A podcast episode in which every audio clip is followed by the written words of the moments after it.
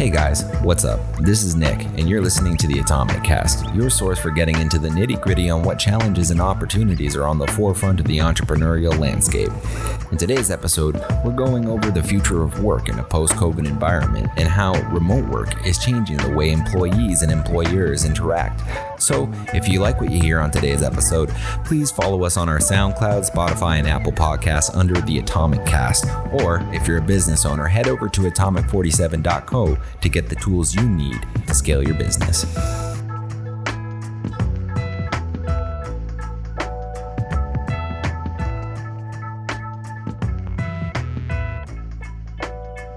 There's no way of getting around it. The past few months have been an unprecedented time for entrepreneurs. The COVID 19 pandemic has rocked the global economy across the board, leaving no stone unturned and forcing businesses to adapt everything from the way that they monetize to how they organize and work. Yet, even as we move past the first wave of this virus, it's not exactly a return to business as usual. The relationship between employer and employee has shifted with the rise of remote work, and to help us explore the risks and benefits that entrepreneurs are facing in these times, we have Candice Giesbrick, a coach and consultant with 25 years of senior leadership experience in both not for profit and private sectors. With expertise in social work, human resources, and organizational leadership, she has a broad and deep toolbox that she'll be pulling from today to help us discuss these ideas ideas. As a chartered human resource professional, she works part time as the Director of Engagement Pacific Region for Teamit, while also supporting leaders and organizations of all sizes find the sweet spot between excellence in employee experience and business success. She and her family live in the beautiful Okanagan Valley, and you can connect with her on LinkedIn under Candice Giesbrick or at candice at teamit.co. Candice, thank you so much for joining us and welcome to the show. Thanks for having me. All right. So diving right into it, as a result of COVID, uh, many businesses have had to convert the way they operate from in person to remote. And obviously, this might be different for every uh, organization and, uh, and entrepreneur. But in your opinion, what aside from the physical distancing itself is the biggest impact this transition has had on businesses? Well, I think all of us have been forced to reevaluate the way that we've done things. And, you know, often innovation comes out of necessity. Um, there are, uh, if I had a nickel for the number of, of companies I've heard, as I'm sure all of your listeners have as well, who've said, man, I wouldn't have thought this was possible. or, or we said we would never consider remote work um, or, you know, a, a number of different statements. This has forced people to think differently about the way they do business. Well said. And so, ex- expanding on this a little bit, why do you think uh, most businesses uh, previously may not have considered uh, remote work as a viable option for them? And uh, how do you think this has shifted the way that they their attitudes towards uh, remote work? Yeah, I think there's I think there's been historically, um, you know, uh, there are a couple of reasons. You know, I think there's been a, a belief um, that uh, the best way to get work done is face to face, and uh, you know and there's a lot to be said for that. You know the, the ability to just be across the table or to you know take turns at the whiteboard and and things like that to um, to d- do ideation or to re-strategize or to problem solve or to you know just quickly be able to go down the hall and pull people in. Like you know that co-located model has a lot of benefits um, that are a little more challenging. It's it's not that it's not doable, but it's definitely more challenging when people are not all showing up at the same place of work. And you know, so that's that's one reason. And another reason is that there's been definitely a perception that um, uh, uh, they call it, um, it, it, was known as shirking from home rather than working from home. And so there's a perception that, that people who work at home are slackers. And um, yeah, I know. And um, and actually, the research that's out there uh, completely contradicts that. Um, what the research says clearly is that people who um, who would have shirked at home um, probably were slackers in the office and just you know better at hiding it. But uh, but generally, people who work remotely are actually shown to be more productive and are actually more at risk of burnout and loneliness rather than um, rather than you know sort of getting less work done. And so, um, expanding on that a little bit, why why do you think that is? Why is it that at home we're seeing, on average, uh, more workers are more productive, yet at the same time more at risk of burning out?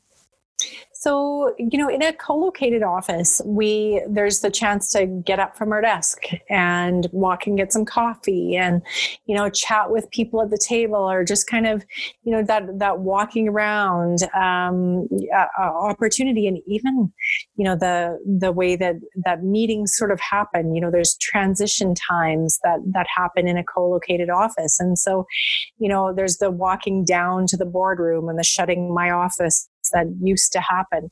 But in a remote environment, I mean, it it's like the switchover between like from meeting to meeting can happen like literally in 60 seconds which many you know many of us know and and so we're we're missing those transition times and we're missing um, so that you know to the to the burnout piece we're, we're missing those transition times we're missing those natural breaks that happen. And um, and often just get our heads down and just keep plowing through either call to call or project to project or thing to thing. And um, and then all of a sudden many of us can you know just sort of look up and go oh my gosh like you know no wonder i'm hungry. It's two in the afternoon and i've just been plowing through.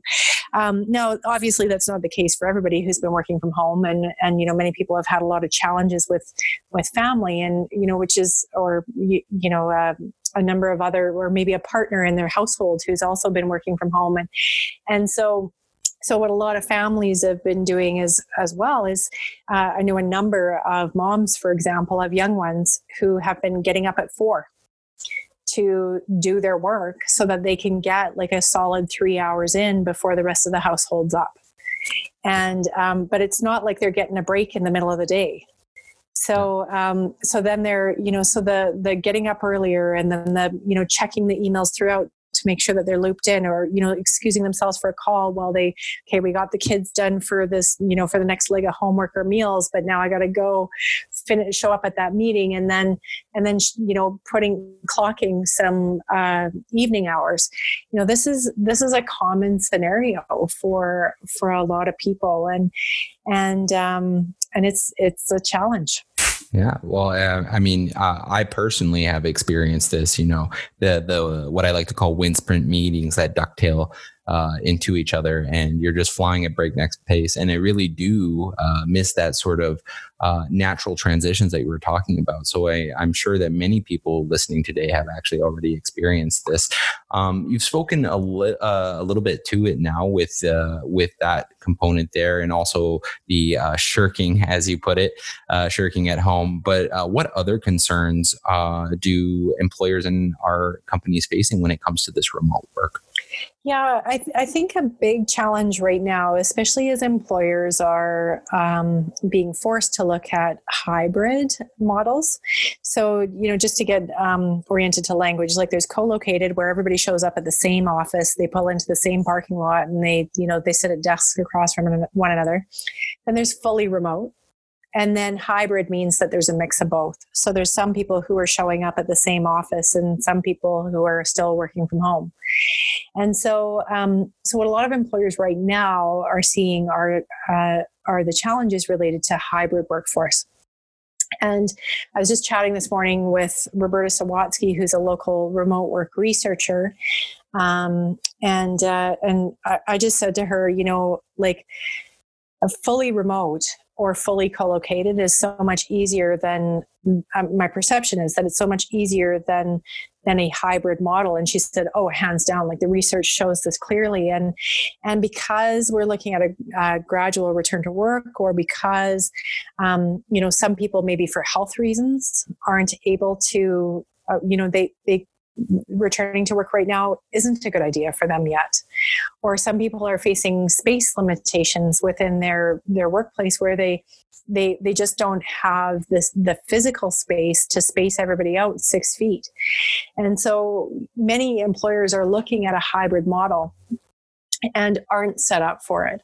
And so maybe they've accommodated, uh, figured out how to get everybody fully remote, um, but now are having to almost do it all over again in order to try and figure out what a hybrid model looks like. And and it's really really hard on employers because um, because you know if you if you've got the people in the office, then those natural, um, you know, going back to those natural, like, hey, um, Karen, can you like, you know, where are you at with the blah blah blah project?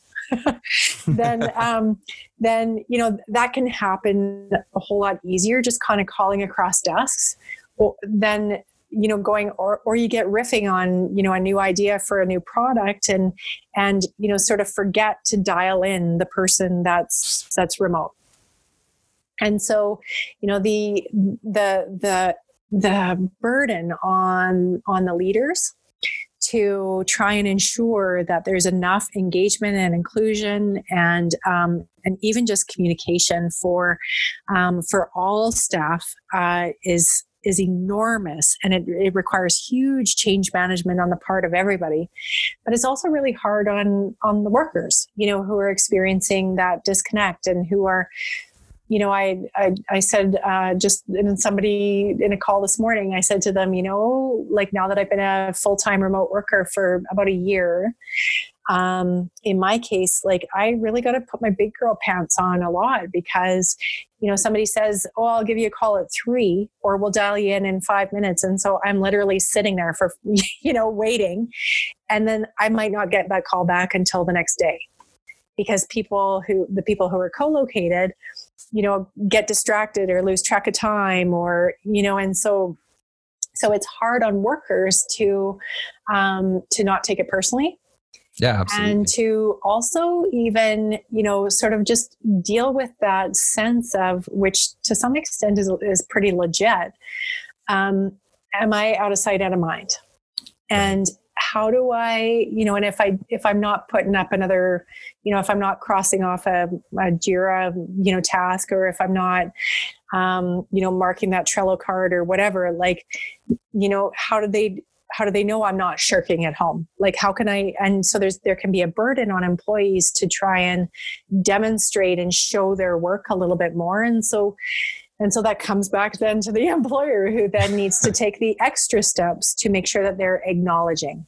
Wow. And yeah. checking in and so on. Yeah. No, it's uh, you know, it's very well put. And I can see how that that sense of cohesion that you might have uh, from a from a co-located situation uh, you know is is perhaps missing and you can feel sort of left in the dark because you don't have that natural ability to go reach out to your workers or even even the employers themselves. And um, that that feeling of uh, how do I just demonstrate value when perhaps it's not always immediately visible uh, can be something that really weighs on a person's uh, mind uh, as an employee. Now, um, that being said, I'm, I'm curious to know what kind of solutions have you come across during this whole uh, period of time that is that uh, that you've seen companies implementing that has been working to help improve this sense of cohesion and help this sort of transition to uh, remote work and and simultaneously uh, back to um, the co-located or that hybrid model you were speaking about.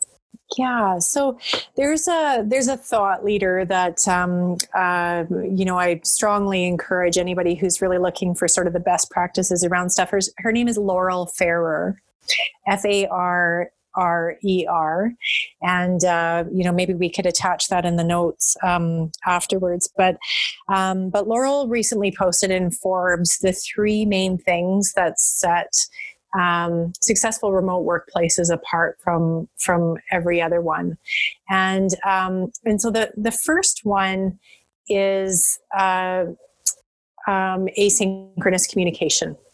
And so when we say asynchronous, that's a really big word for um, for uh, communication that isn't synchronized. So it's not, you know, so there's synchronous and asynchronous.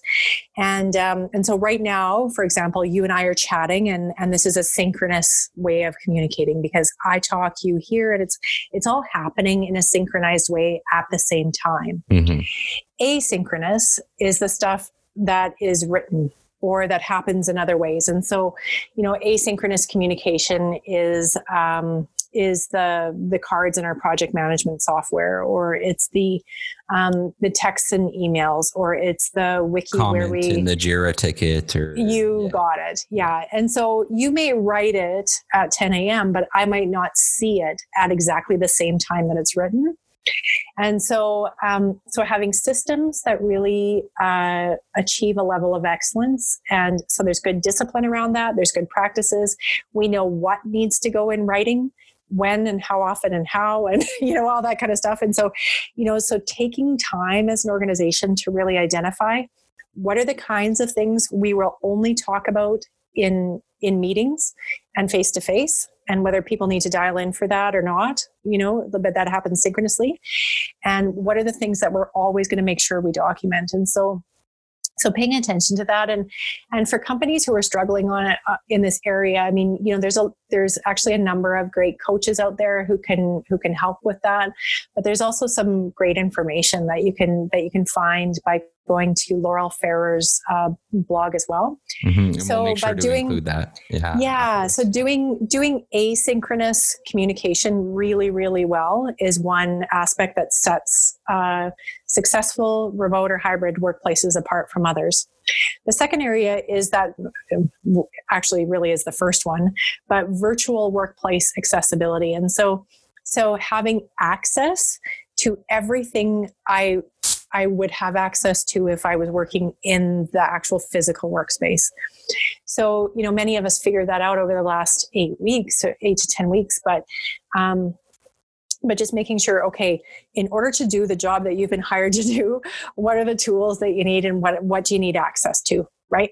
And so, um, so but as so we figured it out like once but what are the ways that that a workplace and a team can can continue to ensure that people have access to everything they need virtually? So that's the second piece and then the third piece is results based tracking. So rather than uh, tracking hours worked um, the most successful remote and hybrid workplaces focus on results and output and so it's it's crossing it you know it's it's making sure that that jira ticket or that trello card or you know whatever system you're using um, that it's super clear. Okay um, candace is going to do this task by friday. And and but even going the nth degree because you know often on on those project you know in these in these programs we might say i'm going to have you know this uh, we're not specific enough and it's not measurable enough and it's often not small enough. And so, you know, being able to break down a project or a task into a number of tasks and that has two, um, uh, probably more than that, but but two main benefits. You know, so on the one hand, the employer then is able to see and track the progress to the results. Um, so if I, you know, if it's Tuesday and that thing that Candace said she's going to do is due on Friday, I can track real time to see what how what how her results are coming along. So rather than me saying how many hours did you work today, how far did you get on that project and I'm able to get visibility of that. But for the employee, it also provides that sense of, of traction and that sense of accomplishment and also knowing, okay, if if Karen's worried about what I'm doing, she can hop in and she can see how far I got and Absolutely. so yeah so that results based tracking is super important and um i suppose I don't it know. also it also provides a uh, it maintains a little bit of that framework uh, that might be lacking when somebody transitions to uh, to a wholly sort of remote environment where all of a sudden they're not surrounded by yeah the rigidity um, of being inside the office yes yeah. And we're, you know, in a co-located office, like a lot of project management op- often happens very organically, right? Or it, or it, you know, and, and, you know, in tech companies, you know, maybe it's the daily stand-ups or, you know, we're looking at the next sprint or whatever. And, you know, hopefully there's good, you know, people who are remote or are dialing into that. But, um, but there's still those like tweaks and nuances that happen as stuff's rolling out, right? And as you're in the middle of it. And so ensuring that um, that all of that is being tracked. So that that goes back to the asynchronous communication, and that where results need to be tweaked, that they're that they're also tweaked in that system. All right. Very, very well said. And um, you're providing so much insight here, uh, even for myself who works remotely, even prior to the COVID crisis. I, uh, I am just blown away by some of the information that you're putting out there. Um, we've spoken quite a bit now about the risks that um, that come with this transition. But the, as you mentioned uh, during one of our first questions, is that we're actually seeing the research is showing that uh, employees are actually many of them are thriving in this environment as well. That productivity mm. is actually improving. So, can we perhaps speak a little bit towards that and why uh, why are we seeing this trend? Yeah, I mean, I was chatting with a friend who's like, I'm not spending two hours commuting anymore. and you know that's not so much a Kelowna phenomenon, uh, but um, but the the the impact to quality of life. So um, you know, I, I don't really I, the work life balance stuff doesn't resonate for me as much as energy and ma- energy flow and management, and you know the flexibility of being able to um, of being able to um, have lunch with my son and uh, and just but do that just by popping out of my office has been huge and the the visibility that I've been able to have into his schoolwork and, and things like that. And, you know, things are shifting and changing, but, but a happy, you know, happier life like translates like, you know, I'm, I'm still a mom even when I'm, when I'm at work right? And, and so having a sense of being more in tune with my family and more in tune with with what's happening in my home and my household um, actually has a benefit to my productivity. And so um, and so generally i feel like my life is better integrated. And um, yeah i feel like I, I, feel more holistically like i'm like i've got a, a handle on what's going on in all parts of my life Right. So, because we're no longer in this physical uh, setting of the office, we're allowed to sort of uh, have a, a, pick and choose how we engage with the rest of our life uh, more fluidly than than. Uh, yes, I love the word fluidly. Beautiful fluidly. word. Yeah. Thank you. Yes, um, and and I'm curious in that because um, you know it can be uh, liberating in uh, in a sense to to have this control, especially for many workers who perhaps felt trapped by the nine to five office lifestyle. Um, do you feel like this transition, this this uh, liberation for for workers to be more results based rather than hourly based, do you feel that this has changed the dynamic between uh, employers and employees? Um, I think it has for many. Um, I think there have been some employers and some employees who've, you know, who've sort of adapted to this new way and, and have found their way better than others.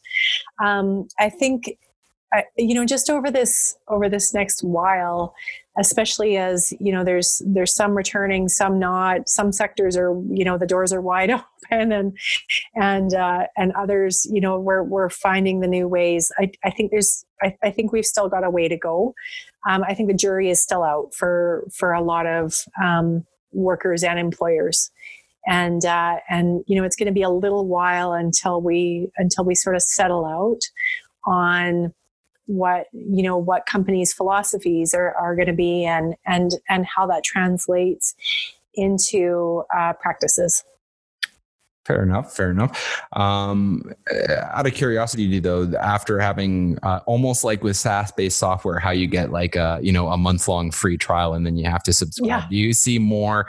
Uh, do you see more employers emba- embracing the concept of remote work now that they've kind of had to go through this involuntary trial period with it? Yes. Yeah. And I was I was on a webinar where we uh, that was a survey question that we asked actually of the participants.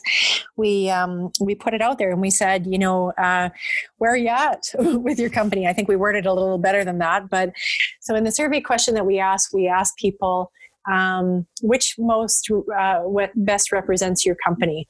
We were totally opposed to remote, and now we're all on board.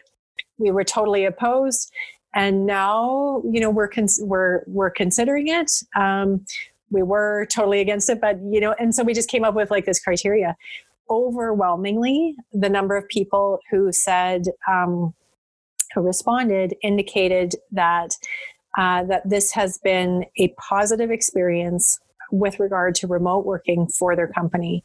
Like it was like over 70%, I think, said that, that the experience of uh, COVID 19, sending people home, has, um, has positively uh, impacted their view of remote work. Wow.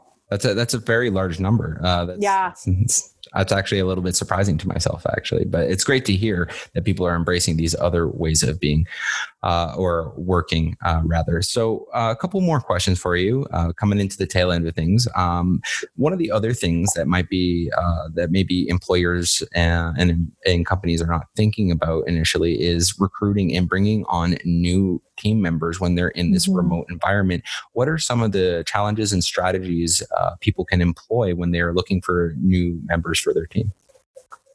Yeah, so I mean, I, I think, um, well, I know that uh, that interviewing for suitability uh, for remote, like if if you if there if it's a remote position, not everybody does thrive uh, in a in a remote position. And, um, and so there's actually researched competencies um, uh, that can indicate a person's success uh, as a remote worker and as a remote leader. And um, yeah, I'm I'm super excited that um, Teamit has actually just partnered with a group of industrial psychologists at Work Evolution, and I just got certified in uh, delivering some of these assessments. And so, um, so the some of the competencies that, for example, uh, have been well researched for people are things like adaptability. So, um, so adaptability is super important in a remote worker uh, because they need to be able to go with the flow. Like, you know, because you're not there to sort of necessarily always hear um, uh, what's you know uh, changes as they come you might hear just when the change is being made. And so being able to be adaptable um, to what's coming your way is an important skill. Now just just because somebody maybe might not be super adaptable doesn't mean they can't learn that. And so that's why they're competencies. And so you know having a good so going to your question about about coach about uh, best practices i i just i'm I'm such a fan of coaching and I just recommend that that you know so many people get a coach in your corner to help you identify what are the what are the areas where you may struggle a little more with being a remote worker and um, and what are the areas that you're probably going to thrive in. Communication obviously is a huge uh, it was the top um, you know competency.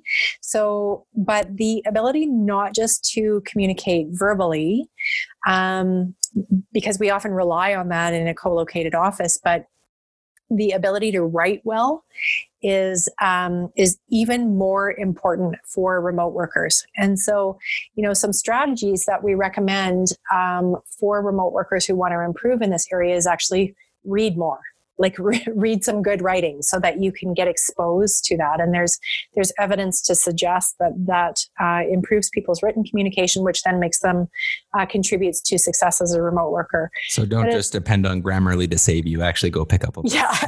Yeah. Yeah fair. Although grammarly can go a long way. It, it can get you pretty far. Um, but for employers who are who are interviewing and who are looking to hire um, you know you want to identify really clearly what these competencies are and and then interview for them. And um, and there's a number of ways that you can interview for them. And you know there's a lot of great blog posts if you google you know best hiring practices uh, for remote. There's there's lots of resources that are that are out there but you you want to you want to try and ask those behaviorally based questions. So tell me about a time when um, you know you learned about it you had to adapt to a change that and the decision had already been made but you didn't necessarily agree with it right? And so you can you can kind of like you know suss out a little bit. In the case of you know if there is going to be a lot of writing that is required um, there's writing tests that you can administer. And the thing about assessments especially in hiring you want to be a little bit careful um, just that you don't you know unknowingly introduce some bias and get yourself in some human rights trouble which is for another time. But um, but uh, um, you know, often you know when you administer some some assessments like that, and and you've set out criteria ahead of time to say, you know, uh, for this position we need, you know, um, we need this level of competency. Um, in you know they need to score a certain amount or they need to be able to deliver these certain competencies. Doing some of that pre-work ahead of time uh, becomes a big asset. Well uh, well said. And it's it's um, it's something that i will definitely uh, internalize in my practices. And i'm hoping that uh, the people listening to this can apply to uh, their interviewing process as well when they bring on new members so I have just one more question for you today, sure. uh, and it may feel a little bit redundant, but uh, I always like to uh, leave uh, my interviews with uh, something practical, uh, immediately applicable that people can go and apply. And I'm curious what tools you'd recommend for for employers that are presently working in this remote workspace.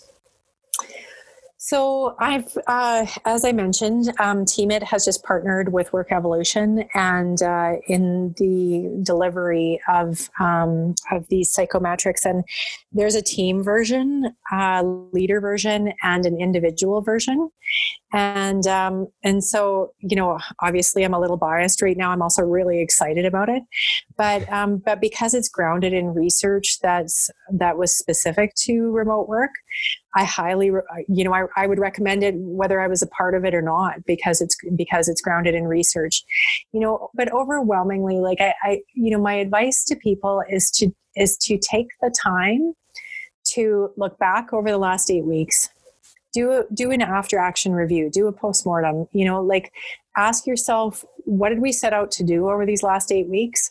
How did it go? you know, where did we succeed? Where did we fail?